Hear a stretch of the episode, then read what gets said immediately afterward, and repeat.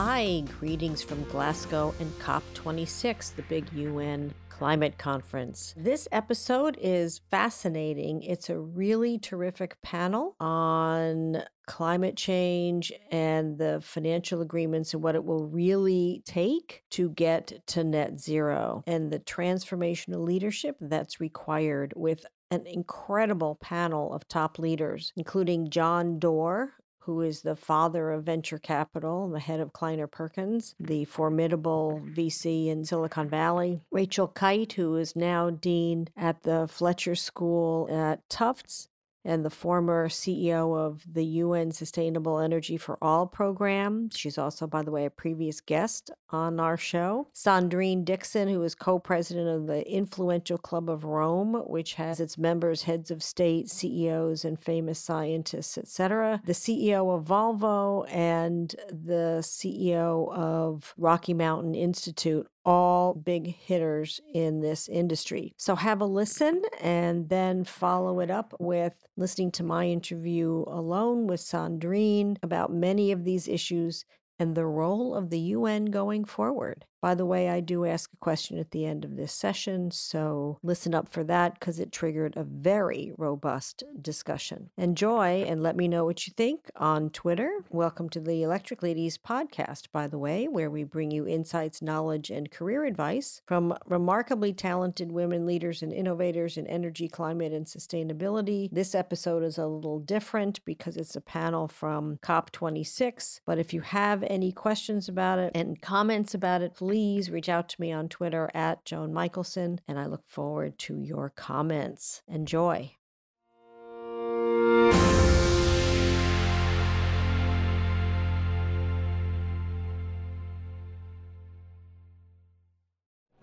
I'll go next. Hi.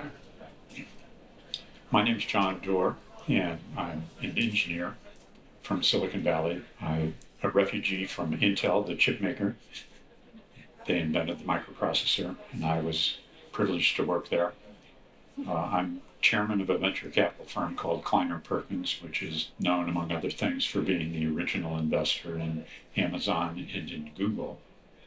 But I'm here today to talk with you about a very important perspective. And if there's one thing I'd like you to remember, it's that the same crisis that imperils the planet, the climate crisis, is the greatest economic opportunity of the 21st century. And I want to tell you how I came to this realization. Uh, many of you have been fighting on the climate action front for a couple of decades. Uh, for me, this all began 15 years ago after watching Al Gore's famous documentary, An Inconvenient Truth. My then 15 year old daughter, Mary, turned to me and said, Dad, I'm scared and I'm angry. Your generation created this problem. You better fix it. And I was at a loss for words. I had no idea what to say to her then. But this is what I know now. We are on the verge of an irreversible climate catastrophe.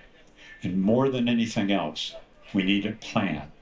We need a clear course of action before it's too late. Now, there's lots of innovators in the world that want to change the world. But what the founders of Amazon and Google understood is that they needed more than great ideas, great ambition. They needed a plan.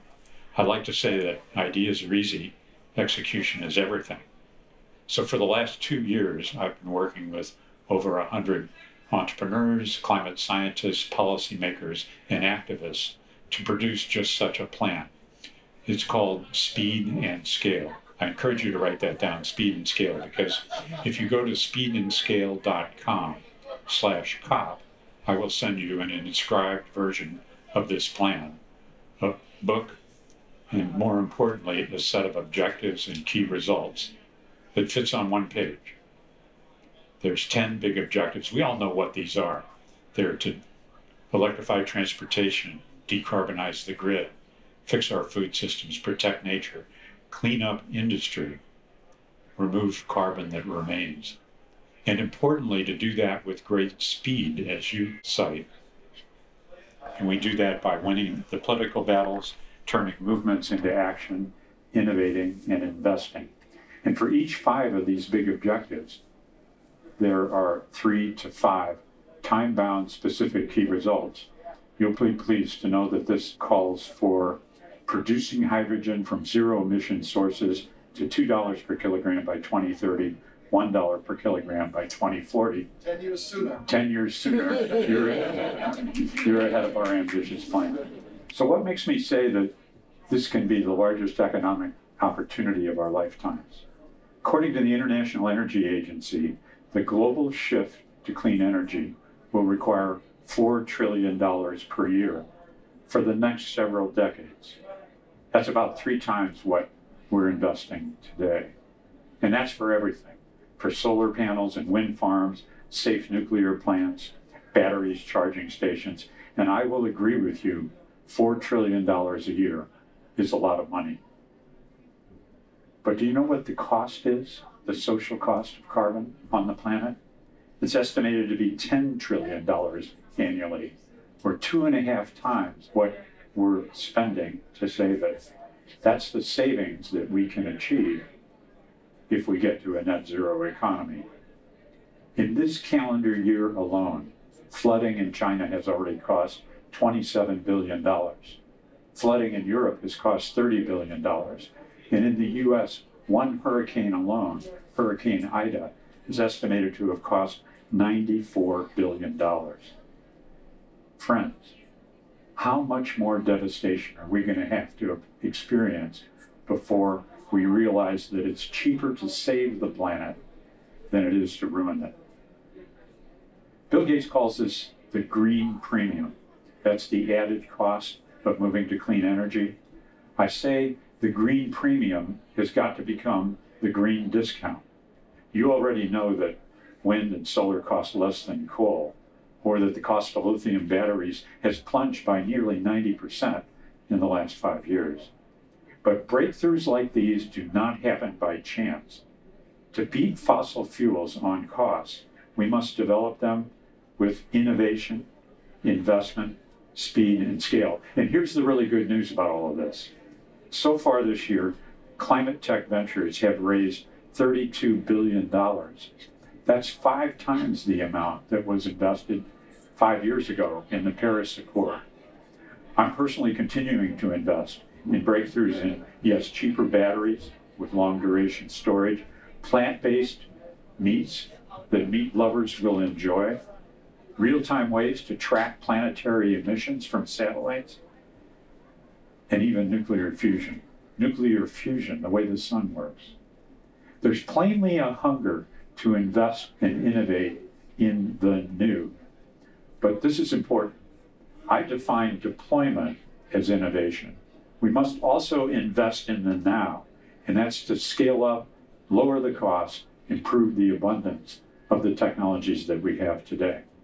With the right policies and the power of the market working for us, we can get the right outcome to be the profitable outcome and therefore the probable outcome.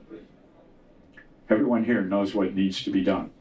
There are these goals in this plan electrify transportation, decarbonize the grid, fix our food systems, protect nature, clean up industry, and then, the hardest of all, removing the stubborn emissions that remain.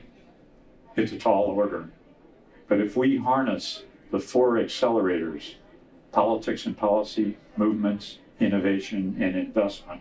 And if we do all that with speed and with scale, I believe we might even achieve the Paris goals.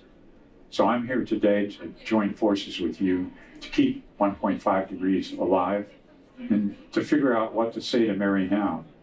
I'd say to her, I'd say to our sons and daughters, yes, we're responsible for this fix, but we're ready to work with you at speed and scale to fix the problem, to save a habitable planet. Thank you.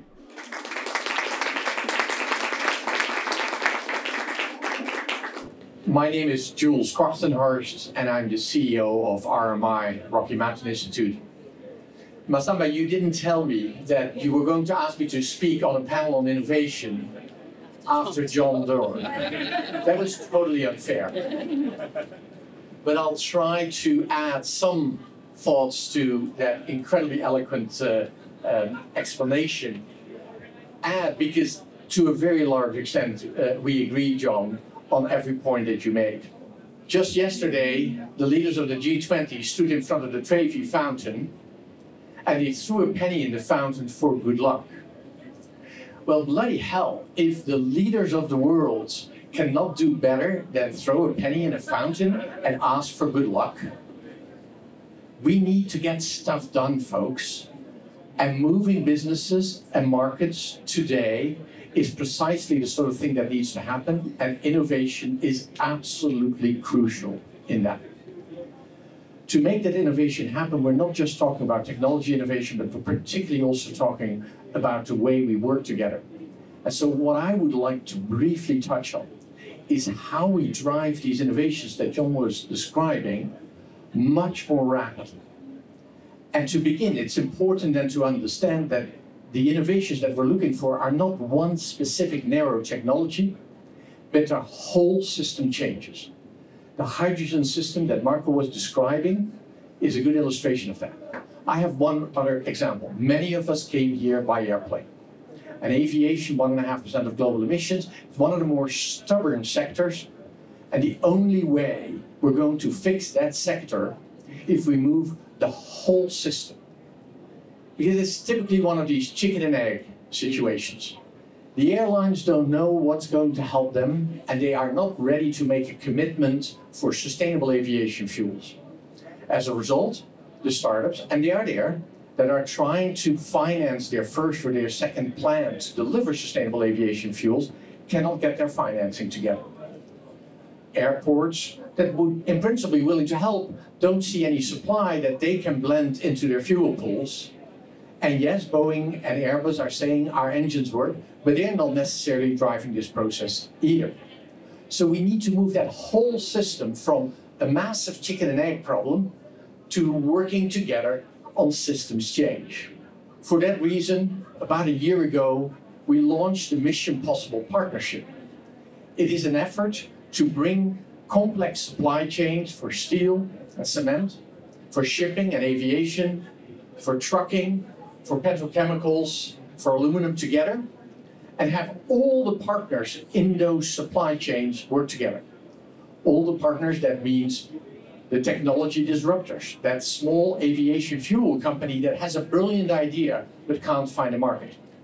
The companies in the sector itself, the airlines, dear banks and dear investors that are making commitments to say, this is what is going to be necessary for this sector to be committed to be aligned with the Paris Agreement and then governments who can play an important role when they see an emerging technology gain momentum by making that the formal standard.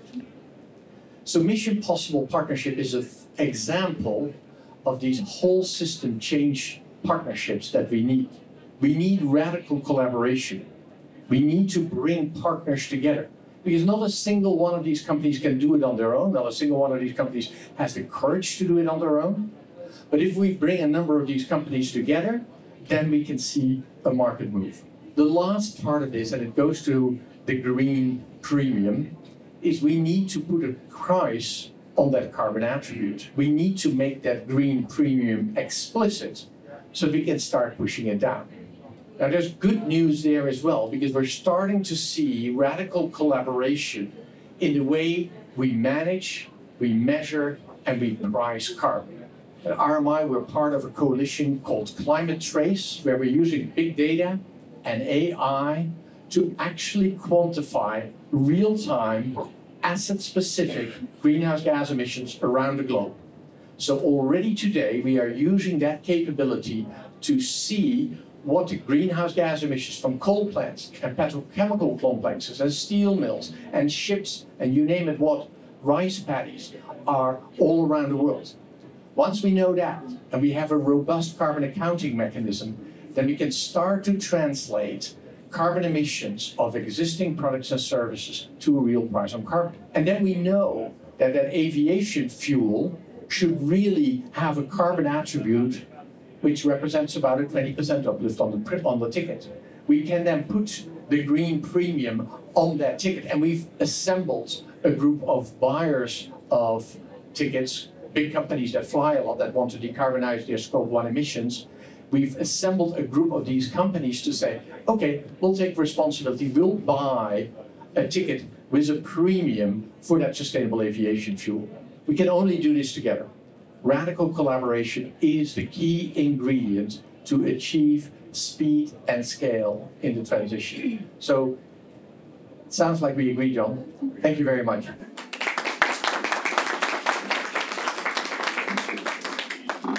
Lovely. So now I get the task of following these incredible men and being slightly provocative. Because I'm going to have a disclaimer. I actually grew up in Silicon Valley. I also started my career in technology. And now I'm the co president of the Club of Rome.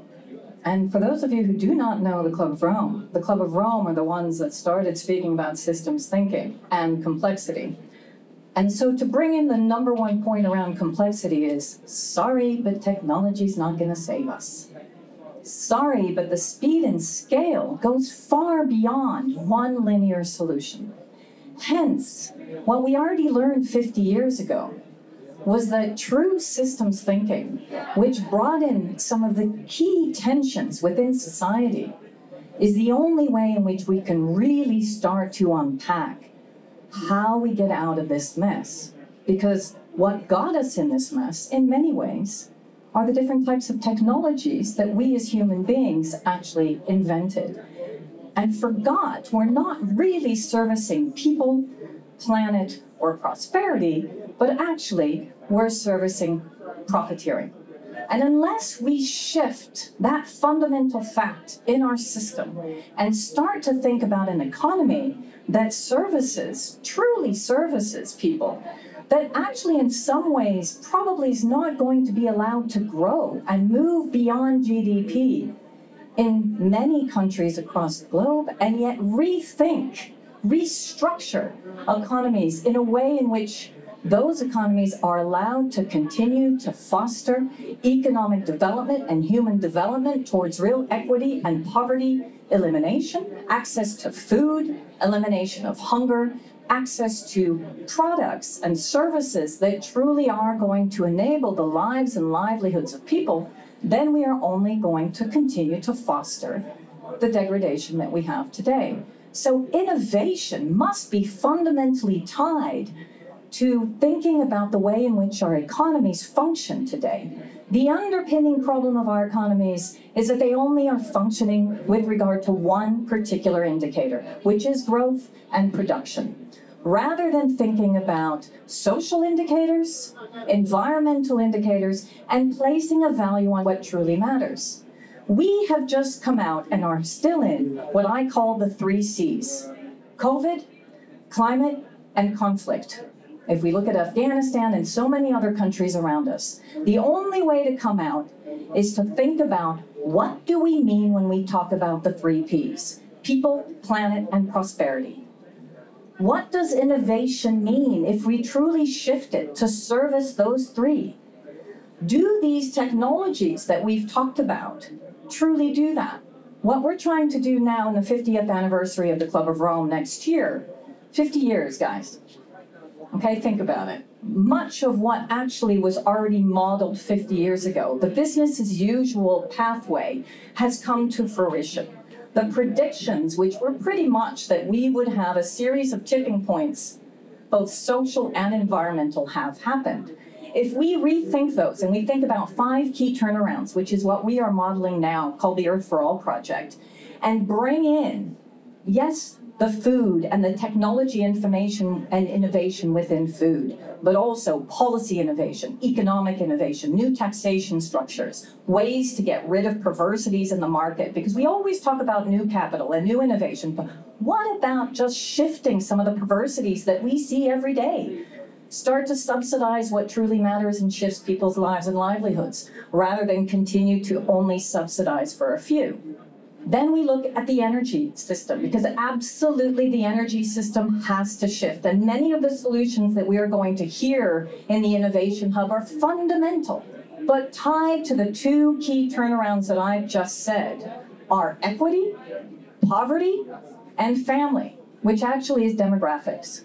And the importance of demographics is not only population growth, and I put my hand up knowing full well that many people thought that the limits to growth was all about doomsday scenarios and the fact that we had to stop people from having babies. The issue now is no longer just about population growth. It's about population degrowth in certain areas or longevity and the fact that we have many more senior, older people in certain parts of the world, and then population growth in others. If we don't look at those three turnarounds that actually will probably foster the greatest social tipping points if we don't solve them, before we even solve the energy and the food and all the other technology innovation that we actually have, then we will not actually stop the greatest existential risk to society. We can emerge from emergency. And Donella Meadows, who was the mother of systems thinking, said, We have too much bad news to be complacent, but we have too much good news to justify despair. So, yes, we can do it, but we will never do it if we only innovate in the area of sectoral or technology innovation without thinking of key governance innovation, economic innovation, and also financial innovation. Thank you.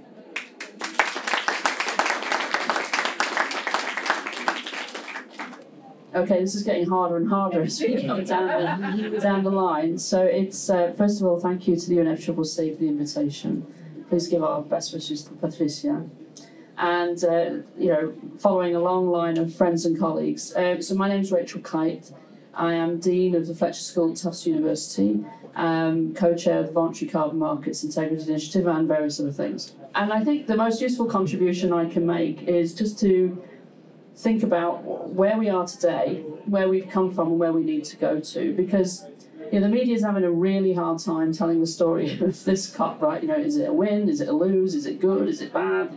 And of course, it's all of the above, right? So I think it's very hard to imagine in 2015 where if you sat in eh, in an innovation conversation, there was a lot going on. A lot of it was very exciting, and a lot of it was rooted very much in the developed markets, and mission innovation had just been announced, and we were going to have more collaboration, but it was very much sort of over there, being done by some people, and it was supposed to trickle down. It was also very much focused on sort of quote unquote the low hanging fruit, so uh, modern renewables into electricity systems, things like that. We honestly thought that the hard to abate guys on this panel were that that was going to be 10 years out. Well, here we are, five, six years later, and we have measurable, plausible, fundable transition pathways for every sector of our economy, with extraordinary innovation coming out of the private sector, basically off their own balance sheet, because they've understood that net zero is an imperative by 2050. And we can argue about some of the net zero commitments and how squidgy they are at the edges,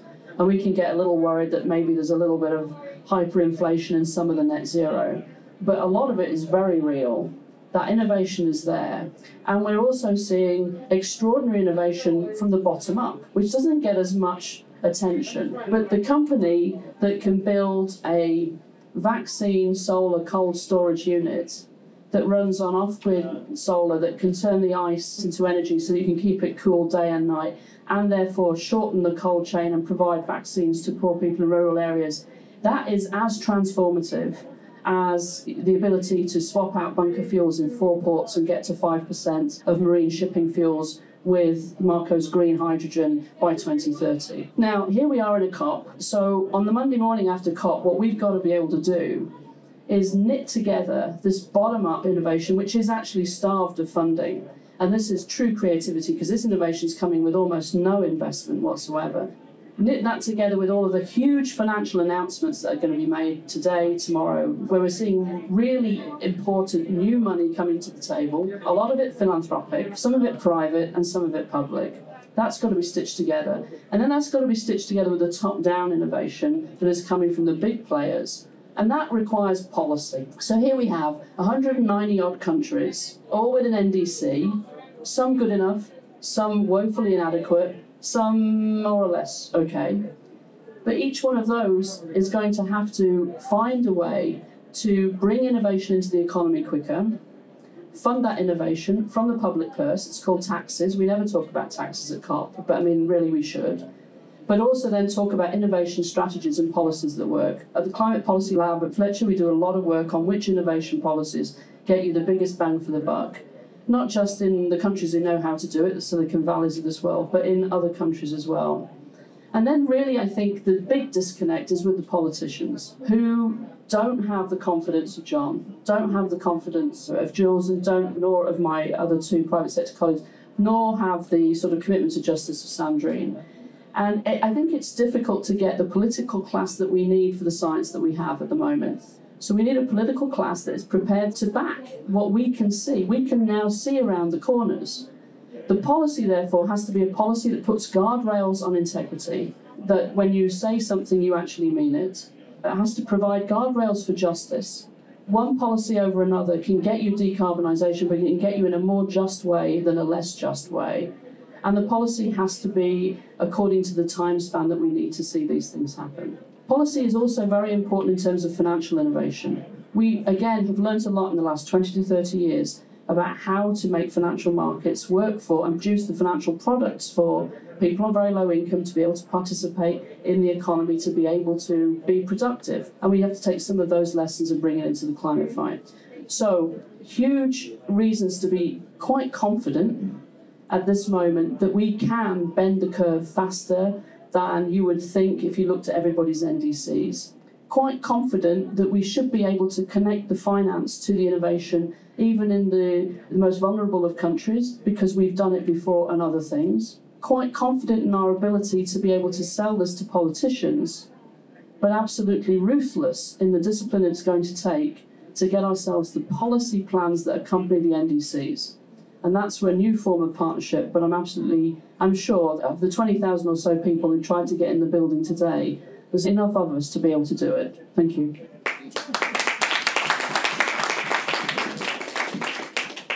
So, uh, hello everyone, and uh, also from my side, thank you for the invitation and uh, listening to all of you. Uh, great opportunity. And my name is uh, Martin Lundstedt. I'm the president and CEO of the Volvo Group, just for everyone's you know understanding, there are two Volvos. One Volvo doing passenger cars. Our siblings got listed on last Friday in Sweden again, so that was a big day. And uh, we are the Volvo Group, so we are into heavy transportation, it's trucks, construction equipment, buses, also uh, propulsion systems through Volvo Penta, etc. And I have to say, listening to all of you, I have a fantastic job, obviously, because we have the chance to do a lot of changes. And we are doing a lot of changes. And also, I have, in a way, the luck also being grown up in a, in a country where actually we have deep social democratic roots, actually. And why is that important? Because, uh, first and foremost, it has uh, been proven to be a pretty good system when it comes to innovation. But more importantly, that has been driving also, for two reasons I should say, because it's only 10 million guys, you know, hanging up there somewhere in the Nordics. And uh, therefore, we are very dependent on import and export uh, specialization in the long run because we don't have the home market to have everything. So specialization has been key. And that has also required uh, an understanding between the companies, society, but also the unions to actually drive a system where uh, change and embrace structural change is absolutely needed because otherwise you will not be competitive for real. Whatever competitiveness means, and I'm, uh, I'm all with you also there, that competitive means, in my book at least now, and I see it more and more clearly, of course, environmentally, economically, socially, and ethically uh, competitive in the long run.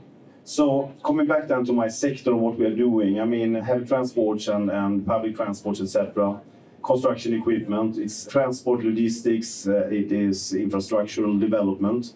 Very tightly linked to the, the prosperity metrics as we knew them, we still know them. Uh, GDP per capita is tightly linked to the maturity levels of logistical systems, both public transport and, and also logistics of goods, since that is a key driver. What we also know is that uh, transportation, whether we like it or not, will increase and it will increase pretty rapidly actually. Uh, there are so many megatrends in that direction. Of course, uh, the middle class development, which is a good thing, uh, not at least in the emerging and developing parts of, of our planet, but also, I mean, trends like e-commerce, that is a pretty big effect on transportation. That is something that we need to address, obviously. So it needs to be considerably more sustainable in order to succeed. Uh, and uh, the good news is that has started. What is good for us as the Volvo Group and uh, our peers in the industry is obviously that what is our scope three, that is by far the biggest for us, is, uh, I mean, the products in use, 92 93% of our scope, obviously. That is uh, scope three upstreams for uh, our customers and customers' customers uh, or even scope one and scope two. So, so that is in a very positive way because everyone is sitting there, right? So, and looking at their abatement curves, right? And so that is bringing us together as teams pretty quickly because if we want to fix our problem, uh, someone else, we need to work with others that have the same problem because it's just, uh, I mean, two sides of the coin, right? And that is happening very quickly now. We are also in the heavy duty sector in serial production now, ramping up and when it comes to battery electric for many of the sectors. And that will be actually a S-curve type of transformation for segment by segment and geography by geography. So it's not like, you know, a step incremental type of change. For distribution, for waste collection, for ports, terminals, quarries, mines, etc., it will be an S-curve because the TCO and the, the life cycle profitability will go so quick actually. It makes sense. But you need really to have a system view where you are addressing the energy system that Mark was talking about. We formed a joint venture with the number one in the world on heavy duty transports, Daimler Truck, and we are the number two in the world, just in order to scale it actually, the fuel cell stacks. That is that will be a commodity, rightly so. We will have an open system, but we need to take responsibility of scaling it quicker. We formed a joint venture, Cellcentric, fantastic uh, set of people. We spent time on governance to keep that on arm's length. So, so we will not kill them with the bear hug from uh, two big corporates, right? uh, no, but, but that's true because it's so easy to destroy. We have great innovation, we have fantastic IP, open IP. We will create an open IP because we want everyone to join that. And we need that, by the way, also for uh, Marco's system because the fuel cell stack will also be for stationary power.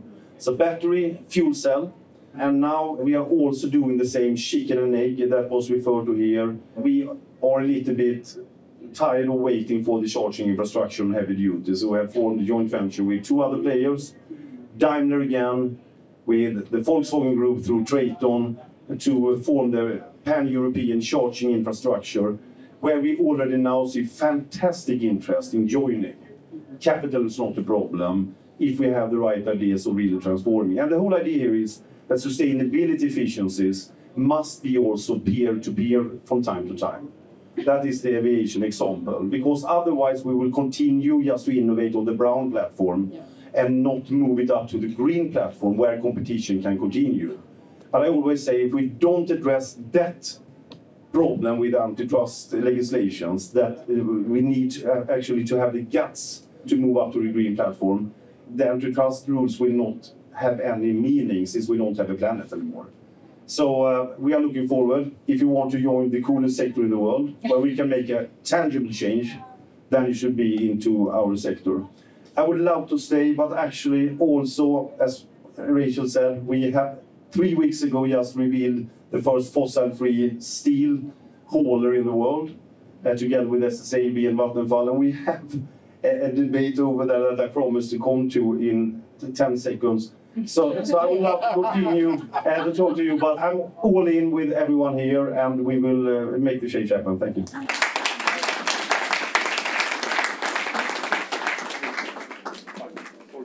Yeah, well, so why do we innovate?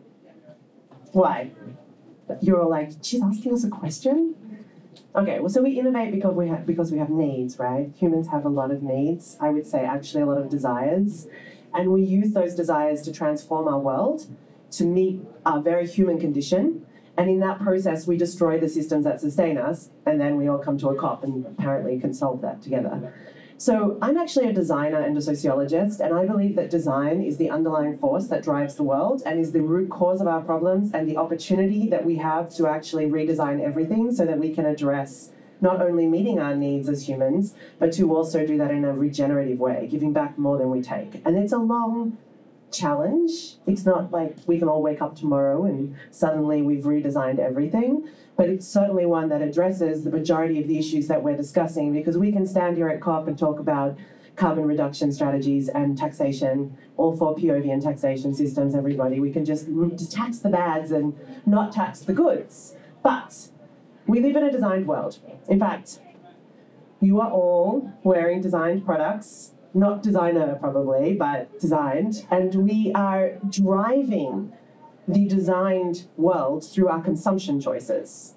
In fact, the biggest problem we face is addressing overconsumption, which drives waste, which ultimately means we go back to nature and we plunder it over and over again to fix the problems that our human desires have created. So we're here talking about systems, and for me, this is the most important thing. The whole systems perspective on climate change is about understanding, first and foremost, humans don't value nature, our economy doesn't value nature, and therefore, because we don't value it, we continue to exploit it for our own benefit, and then we create a system that is based entirely on waste that then drives the incentive for the continual exploitation of nature right? And the driving force of that is desire for us to have sexy, cool, convenient, comfortable, disposable, immediate things. So unless we fix design and consumption, then it doesn't matter how much emission reduction we do because ultimately carbon and methane and all of the carbon emitting uh, gases are embedded, they're embodied in everything we create. So I believe that one of the best solutions for us is to redesign everything. Simple task. And to do that, we need to start by designing products and services to be circular, as we've discussed. I'm sure many of you are familiar with the circular economy. But we also need to figure out entirely new ways of valuing functionality. Because, okay, I'm talking about desire, but really you go and buy that delightful sweater or shirt or whatever you want to call it, whichever country you're from, because you have the functional need of, you know, looking presentable and preferably warm. And we have this chair purchased for the functional need of sitting. Everything that's created is created for a functional need. And we can reimagine the delivery of functionality in the economy without continuing to plunder resources if we redesign the system so that waste is not the incentive, which is currently the incentive of our global economy, which we know about because of GDP. So, whilst there are many things we need to fix, I want to challenge you all to think when you think about innovation, Innovation is the transformation of human desires through material goods into physical things that drive the economy. Does that all make sense now? Are we good? We're on the same page? Mm-hmm. So, what do we need to change? Us. yes. Well, yes, mental models are definitely the underlying force that drives the consumer issues, but I think we need to change the way we value nature and the way we value things that come from nature, which is everything. And if we start to value things not only in our economic system but in our own cultures, communities, and minds, then we change our relationship with material goods. So, whilst you're all thinking about carbon emissions are embedded in your airplane ride or your electricity, it's embedded in absolutely every single thing you interact with every single second of your day. It's the food you eat, it's the glasses you wear, it's the websites you go to because the internet is physical. And so, for sure, we need to address our energy system and our transportation system.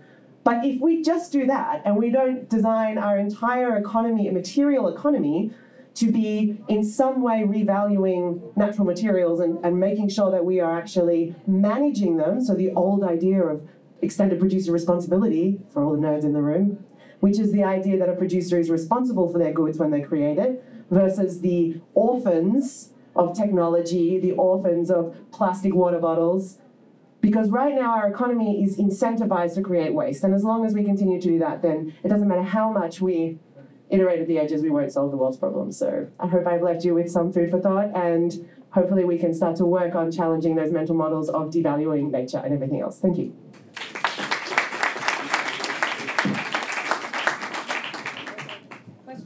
Joan Michelson, Forbes, and Electric Ladies podcast for all the women in the room. Um, Rachel's been on my show uh, in the past. She's great. So this is all terrific, and I worship at the temple that you do, but we can't even get an infrastructure bill with $555 billion passed through Congress. So my question is, and yes, we need to redesign our choices and our economy, and we are driving it, and John, you have funded many of the companies that have driven our changes. But how do we, to, to Rachel's point, how do we get the policies and the policymakers to get with the program because they're not the ones of the 25,000 people at COP26 today. They haven't drunk the Kool Aid, okay? I mean, Joe Manchin lives in coal country and gets personal wealth from coal country. So all of this is great, kumbaya, but so A, how do we get them to do it? And B, is the solution that the private sector take on more of a role in infrastructure so that we can actually get this problem solved? I know, RMI is all after this, you and Amory. I'm dying to respond because RMI may be an American organization, but I'm Dutch. And the problem that you described is absolutely real, right? Dysfunction in the United States political system around this issue is absolutely massive. And there are a couple more countries, Australia comes to mind, but there are other places where people have now figured it out. This is, as you were saying, the greatest opportunity to build a new economy that we've seen in the last hundred years. And yes, we need to do that in consideration of the planetary boundaries, but massive, massive businesses are going to be built. Enormous wealth is going to be created by the companies that get on with it. And the United States may be focused on the wrong thing. I spent my first summer job at the end of high school in a typewriter factory, Remington. That factory does no longer exist. If the Netherlands had backed Remington typewriters with all its might, it would still not have mattered because personal computing took over. Joe Manchin is going to be out of business. There is no question about it. Because all around the world, wind and solar are now the most cost effective ways of power generation. And in fact, our analysis shows that in a couple of years, 75% of coal fired power plants can be shut down and replaced with new wind, solar, battery storage, and demand response. And you can, in, on top of that, pay for a just transition and reduce rates. So the economic momentum behind this transition is absolutely unrelenting. Electric vehicles will be cheaper in a couple of years than internal combustion engines upfront, not total cost of ownership. Upfront, you'll be better off buying an electric car, and on top of that, you get the mileage almost for free. And along the same lines, Mark was saying, by the middle of this decade, hydrogen will compete with natural gas. So, in my view, the private sector is going to take over. And I think we will look back at COP26 as the moment that we laughed at those politicians throwing pennies in the Trevi fountain. And we looked hopefully at financial institutions and businesses and civil society leaders and say, that's when they took over and they got on with the job. I, I so accepting that I think that we are at, at a tipping point, and at a country level, there is a real risk for a developed country to not be embracing this more quickly. This is a transition, and we know a lot about transition economics as well. Uh, we know that some people will get dislocated, right? Some people are in the short run not going to be easily able to, to surf the transition, which means that you use resources, funds, to make them available so that those people can move the way, their way through the transition, which means that social safety nets, municipal finance, all of those things which pay for services which people experience on a daily basis, which they are afraid are going to be more expensive or out of reach because that's what they get told and because they're not sure of it, that we have to use the funds available to be able to make sure that those things happen while all of these new products and services are coming online and while this, the green hydrogen economy in Massachusetts is being built, right? So you can't expect people to just believe you or to have a hope and a prayer. You have to have the programs in place, put the cash in their pocket so that they can buy the new heat pump uh, up front. Now, that's what we use public money for. That's why we need the politicians that, that we need. Now, you can do that in forms of public private partnership that we've done before, which we can do again. So again, it's it's not it's not that the money isn't there, it isn't that we can't do it we know that the wind, the offshore wind industry, as it comes into the northeast of the United States, can't get access to the talent that it needs to work in that industry. So, together with the private sector, we can pay for kids to go to vocational high schools and then through community colleges and into four year universities. but it's about decisions about where we put our public money. And before everybody says that we don't have that money, remember that the IMF has told us that we are using $11 million a minute to subsidize fossil fuels. So that's where the pressure has to come from because that is a bad decision, not only in terms of electoral politics as young people protest, it's a bad decision because it means that you can't fund the transition. It's a bad decision because it slows down your ability to invest in the green and be on the upside of the transition. So this is about being on the back end of the transition versus being on the front end of the transition. And if you're on the front end, you're going to do better. Then we should get into a conversation about technology transfer to developing countries. 80% of the technologies that they need for their NDCs are already available, but that transfer doesn't happen, which means that we'd have to get into a whole session about the financial sector, and I have to leave. But this is all doable if you start breaking it down, you start looking at how the public purse supports innovation, but then the policies around making sure that uh, societies and groups within society can benefit from this. And it means an upfront investment. One of the mistakes we may have made, and Lord Stern talks about this, is framing, as he did in 20, um, 2006, 2007, that the idea that the cost of inaction was higher than the cost of action. It's, of course, correct, but many within society and the media have got hold of that in the wrong way so now we try to talk about the fact that it's cheaper and better to invest in John's to do list or in other to do lists that exist. But somehow uh, we've got into a question around costs. But we're not talking about the prices to human health, the prices to nature, the prices to our existence if we don't do it. So we've got to change that narrative. I just wanted to build on that because, again, we have to figure out who's that just transition for. And that's where your point is so well taken because we earmarked the European recovery funds for climate and to a certain degree nature. And what happened? Most of the funding at the member state level is going to infrastructure projects, energy that already actually were in the pipeline. There is no new real innovation. Nature probably got about 2% of the funding, if anything. Design, design? Really? No one uh-uh. knows what it is. no one even really knows what it is. Research and innovation? Almost nothing. But what I think is very important in your question is that even when you have, and Jules is right, the discussion and the dialogue at the European level is completely different. We have the European Green Deal, and it's not only a Green Deal, it's a social deal. And there are a variety of ways in which the von der Leyen Commission is trying to fully implement that through its policy. What happens?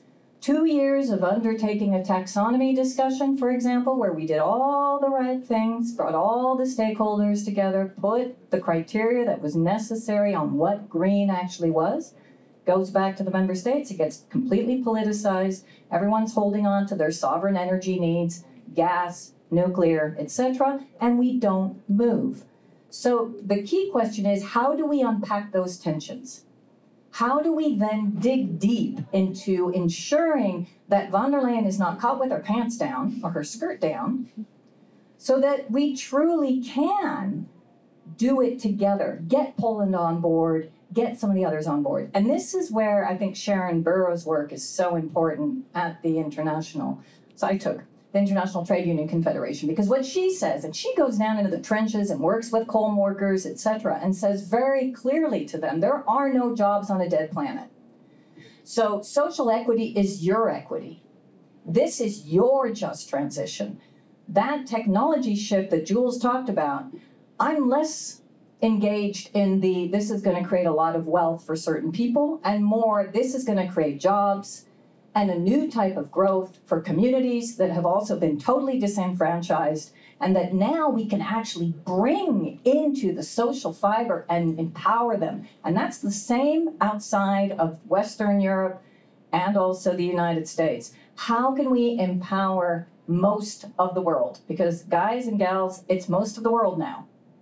We are the other part of the world. And the way to do that is not just technology transfer, it's enabling them to come up with their solutions. It's giving them the empowerment so that they can actually really reinvent, redesign, and innovate much better than we ever did. Your question, specific, your question specifically dealt with an infrastructure bill in the U.S. with a 50 50 divided Senate.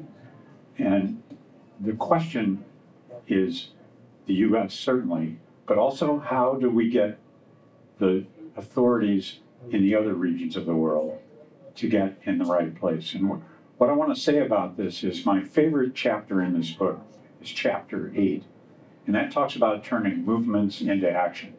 It begins with the story of Greta, who in 2019 was one student sitting out school on Fridays, and a year later had organized a global movement turning out 4 million youth all across the globe and making climate in Europe, I'm not just talking demonstrations, but action, a number two voting issue, which it was not until she took her action.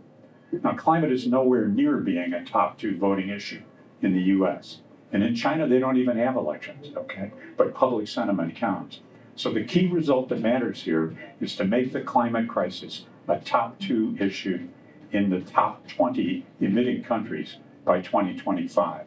And that is one of our great opportunities for hope, for progress, for establishing the kind of conditions that you want so that the economic systems prevail and deliver returns not just on profits, but on the carbon emissions, which regulatory authority and investors are insisting be measures for our businesses, the 80% of the sources of all the emissions on the planet. Which also means we need to fix the voting rules in this. Yes. In the, in the, U- in the US, we have to watch out for the vote- voting rules. You're exactly right. And one more Senate seat in the Democratic At least. ledger, one more Senate seat would have meant that Senator Manchin wouldn't have the sway that he does in these debates.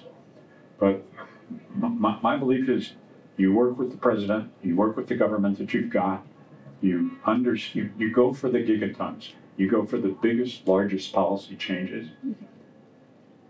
And we can do that. Can I just add, it's also not making long-term planning a one-state political policy rule, right? It's long-term planning becomes depoliticized. For the moment, it is politicized, and we think of one country. Can you hear me through the mask? Yes. Great. I've got a question, uh, and I'm so glad you touched on Greta, because I feel that there's no recognition eh, on the panel so far, I may have missed some, about the fact that uh, you're not sitting here on your own, you're sitting with Greta and her peers. And actually, Greta and her peers are going to run the country. You touch on redesigning things. And I believe that one of the things that you talked about as businesses and the role of businesses, they have been set so far in this idea of the limited liability company, which actually in reality is more like a zero liability company because the number of people who walk away from their liabilities with their pensions, with their all their little uh, directorate connections is amazing. Is it not time for us to redesign our liabilities in the light of Greta and her peers running the world because we are accountable to them and they may decide to make all their legislation retrospective because we knew about climate change in, well, before 1992, but let's use that. Hello. Yeah, I think the thing about younger generations, obviously, I'm of a slightly younger generation than my panel peers, just I think. I don't want to make any judgments.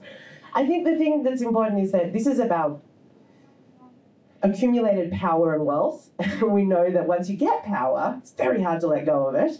And so, whilst you know younger people will eventually get to a position of power, the process of transferring it is the problem. And this is what we're facing right now because all these people making the decisions today are the ones who got us into the mess to begin with. And so you're letting them try to, you know, that's like getting the fox in there and then redesigning the chicken coop. They're going to redesign the chicken coop for themselves. And I think that part of the issue that we have with younger generations is that I think it's very irresponsible for us adults who have some power to assume that they'll take over and do anything different because they will be socialized into the system that we created for them. And I know that it's very hard to disrupt the status quo because I've been doing that for 20 years and it's pretty complicated, A, being a female and being younger. And I work with some of the world's biggest companies and organizations to help them transform the circular economy. And I'm forever being asked to help their middle management see the value in this. The CEOs, they put in beautiful goals 100% recyclable, 100% this. And then the, the company of, of the same mindset that got them to a lot of wealth through extraction and exploitation. Like I have sat, I cannot even tell you some of the things that I've been witness to in meetings. Like, oh, the little hands make them. You're like, no, no, you didn't just say that out loud, did you? Because this is the status quo. And that's the same when it comes to younger people too. As long as we don't start to transform, because power is the responsibility to do not only what is right, but when you get the knowledge and information that gives you what we call the agency to make change, you should. And so it's problematic when you don't have a lot of Indigenous people, you don't have a lot of young people actually at the tables doing the backroom negotiations because they're the ones with their pockets lined with coal. I'm from Australia.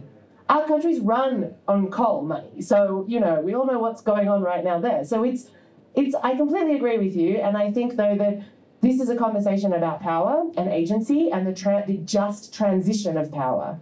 So I don't know if I answered your question. I just went on a rant about that. But anyone else want to contribute? Um, I, I, would just add that it, uh, companies are where the solution is, and the technology we said is there. Companies need to create new models of partnership, peer to peer, work together, be more open. The word company comes from kumpanis, people who want to eat bread together. That's where the word comes from. And so we need to go back to that sense of purpose. I think it's happening not only because of climate, it's happening because of the broader ESG movement. So companies are becoming more and more a force for the good. Companies, I think, will succeed in America. We will open an office. We've opened an office in New York because just think about what happened with shale gas no policy there. I invested in shale gas at the beginning. Prices were at $15 per million BTU. They went all the way down to three. So if I were to put my bet, I would bet in Texas all the time for wind and solar, a lot of infrastructure, a lot of talent, a lot of entrepreneurial drive. So companies are going to make it happen for business reasons. Now, the young generation is going to make it happen in places that we can't think of. I was in Riyadh last week. They've committed finally to net zero, which is a massive breakthrough. And the minister, in a panel like this, sitting next to me when he sent the email to confirm his net zero commitment, he said 70% of his population is below 35. So he has no choice. That the consensus there is, is important, like it is in China, like we discussed. So uh, we don't just need to think about the difference between developed countries and developing countries. There's there's a lot of middle classes in developing countries that can begin to afford net zero products. So we need to shift, and I'm sorry you arrived after I said this, but to, to get the value of, of, of the carbon in there, we need to really get consumers and the younger generation can help to think about their own purchasing power and get CO2 labels on every product. The cost of making green steel is much more expensive than making black steel. But when you buy a car, the difference between a car that's entirely green, sourced with green steel, is just 1% of the price of a car. And the same for the price of a phone, the same for a hotel stay, the same for the price of a plane ticket. So we need to get CO2 down from the gigatons into the pounds, into the wallets and habits of, of consumers, wherever they are. Because there's a lot of people buying electric cars in China without any subsidies.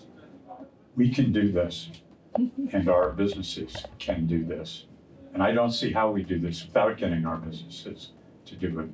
But they respond to regulation, they respond to employee pressure, they respond to customers, customer demands. And so we should take all three of those forces and in a measurable, accountable way cause this change to happen. In doing the research for this book, I was really struck by the pressure that investors are bringing right now on companies. The Net Zero Investing Alliance has 220 signatories committed to driving their investments in portfolios to net zero. That's $57 trillion of assets. And fiduciaries, you are going to respond to those pressures. The SEC is requiring that companies uh, post and account for their carbon emissions. So the measure is not just profitability, it's also their performance against these great environmental goals. I'll tell you one of the things that impressed me the most beyond Greta in doing the research for this book was the conversation I had with Doug McMillon who chaired the Business Roundtable when they decided the purpose of a corporation is more than its shareholders.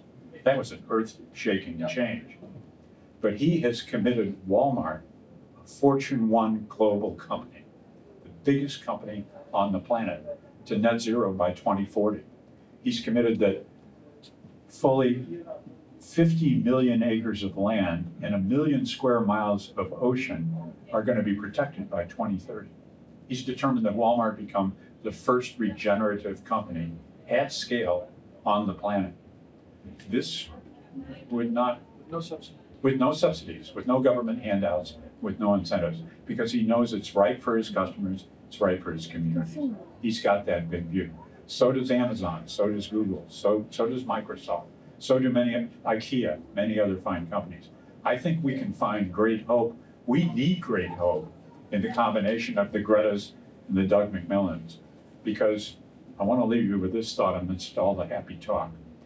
If the current pledges from Paris are enacted into policy, which I don't think is likely, the projected emission reductions in 2030 will be 7%. They need to be 50% for us to have a fighting chance to have them in 2040 and get them to zero in 2050. So, by any measure, the headline is what we are doing today is not enough. It is not nearly enough. And we're going to need all the forces, all hands on deck the capitalists, the activists, the innovators, the administrators, the, the, the cautious policymakers, the designers. Thank you. Because they do actually really do design the world. Really, truly, architect We- that right it- It is true, but we cannot rely just on design, because if we do, we'll not make it by 2030. There's not time between now and 2030 Yeah. to redesign all the human activities that must change to get to a 50% reduction. That's 7% a year, every year compounded for the next nine years. We have never reduced carbon emissions on this planet by 7% in any single year.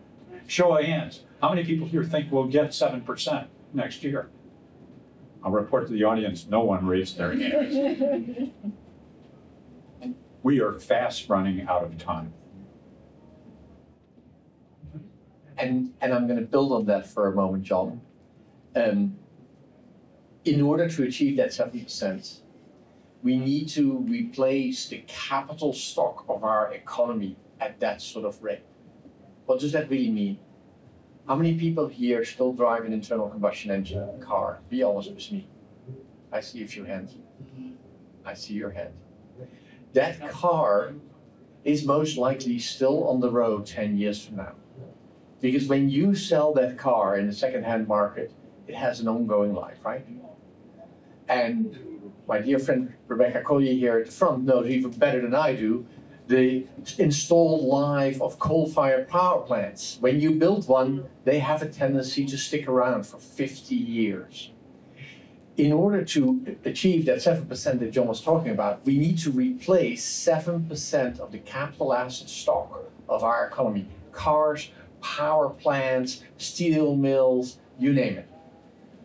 And the only mechanism that we know to do that capital formation, to make those investments happen, is businesses. We don't know other, any other way to do that. And yes, businesses need to be a force for good. And I agree with you, it's incredibly encouraging that the Business Roundtable in the US came to its senses and said, we're running these companies for all stakeholders, not just for shareholders. But we're still going to need these companies to do it. There's nothing else that we know that can make that capital formation happen. So not only do we need businesses to be a force for good, we need business to truly innovate and design differently with a totally different premise. And I agree, purposeful business is starting to go in the right direction. ESG over the last two years has tripled in terms of funds. It, the one missing link that we haven't talked about is actually that well-being economies, by the way, Scotland is one, those that are actually implementing donut economies and also those that have actually invested in ESG businesses have been more resilient to the crisis. And this is not because they made profits, which they did, by the way, but because they shifted their value chains to look at social, environmental, and governance principles. So I just want to have a few key, because I am an optimist and I agree, technology will get us quite far, but it will not do what Jane Goodall asked us to do.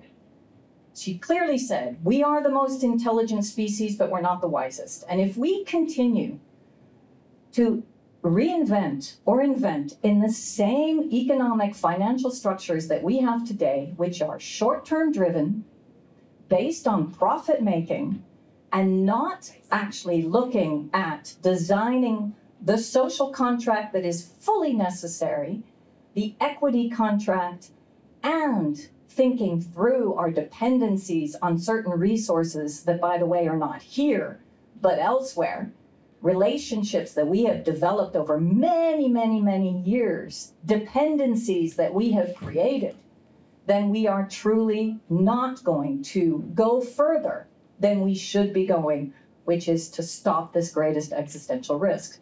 So, my call to everyone is yes, technology is part of the solution. Yes, companies are part of the solution, but they're only a part. Because if we don't totally shift our mindset and place a value and think about capitalism as natural capital, human capital, and financial capital, only servicing people, planet, and prosperity, we're not going to get out of this mess.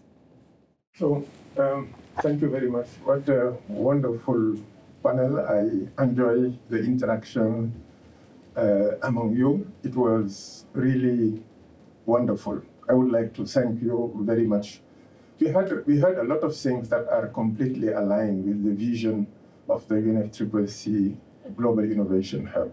Starting from, yes, we are smart and can solve problem, but we need to be wise and able to avoid problem. I have made this quote from Albert Einstein this morning, but I think it's completely relevant to our discussion. I heard about the need to have transformative change system change. I heard about uh, moonshot thinking, and also I heard about the need to act now for longer term benefit and to have a holistic approach and to redesign where it is um, needed. So all these things resonate with the vision of the um, UNFCCC Global Innovation Hub. Now I would like just to share with you some next steps very happy to have you here, and we thank you for that.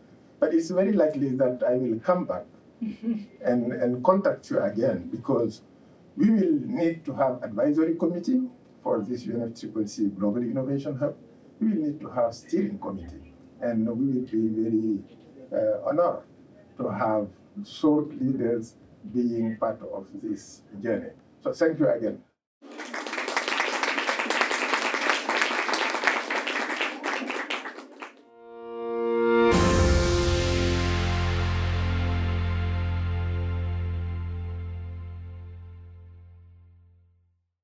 Hi. Wow. I hope you enjoyed that discussion. And as you could see, my question triggered quite a robust discussion at the end that was really kind of an entire panel on its own, wasn't it? So let me know what you think. Thank you for listening to Electric Ladies podcast. Go ahead and listen to my interviews also from COP26, including with Sandrine Dixson one on one and with Gillian Tett, the editor at large of the Financial Times and former U.S. managing editor, and also with a terrific ice scientist named, get this, Dr. Twila Moon. Isn't that a great name? Anyway, thank you so much for listening. Follow us on Twitter at Joan Michelson and send us your comments and your questions, and we will get you answers. Thank you so much for joining us. See you next time.